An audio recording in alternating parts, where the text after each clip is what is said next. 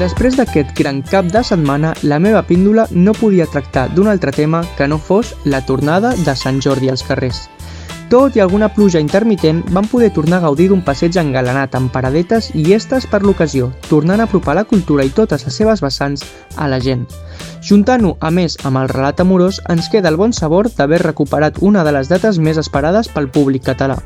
De fet, quelcom que m'ha sorprès és que durant tot el dia no vaig deixar de veure gent, especialment gent jove, esmentar o tuitejar que el 23 d'abril era el millor dia de l'any. Una prova que demostra que, fent els joves partíceps de la cultura, aquesta estarà assegurada durant molts i molts anys. Enmig de la celebració, l'Eterna bat al poble. Personalment no hi entraré, però se n'ha parlat darrerament a les xarxes socials sitgetanes sobre el fet que no hi hagi una sola llibreria al poble. Però sí que seria interessant fer una reflexió al voltant de la sostenibilitat d'una llibreria, atenent a la cultura consumista de la nostra societat.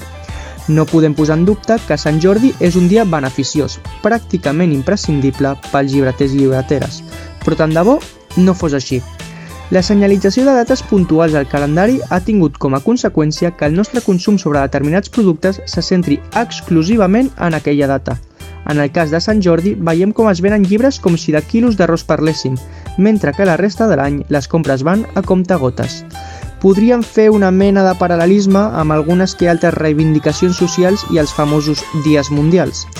Però tornem al fet de la importància de la cultura i de la culturització, i de com allò que reivindiquem a Sant Jordi hauria de ser la dinàmica de la resta de l'any.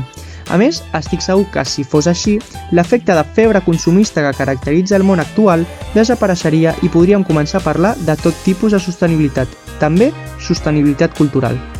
Malgrat això, ara és moment d'anar recuperant aquelles tradicions que havíem hagut de deixar de banda i, si més no, fer-les evolucionar sense que perdin la seva essència.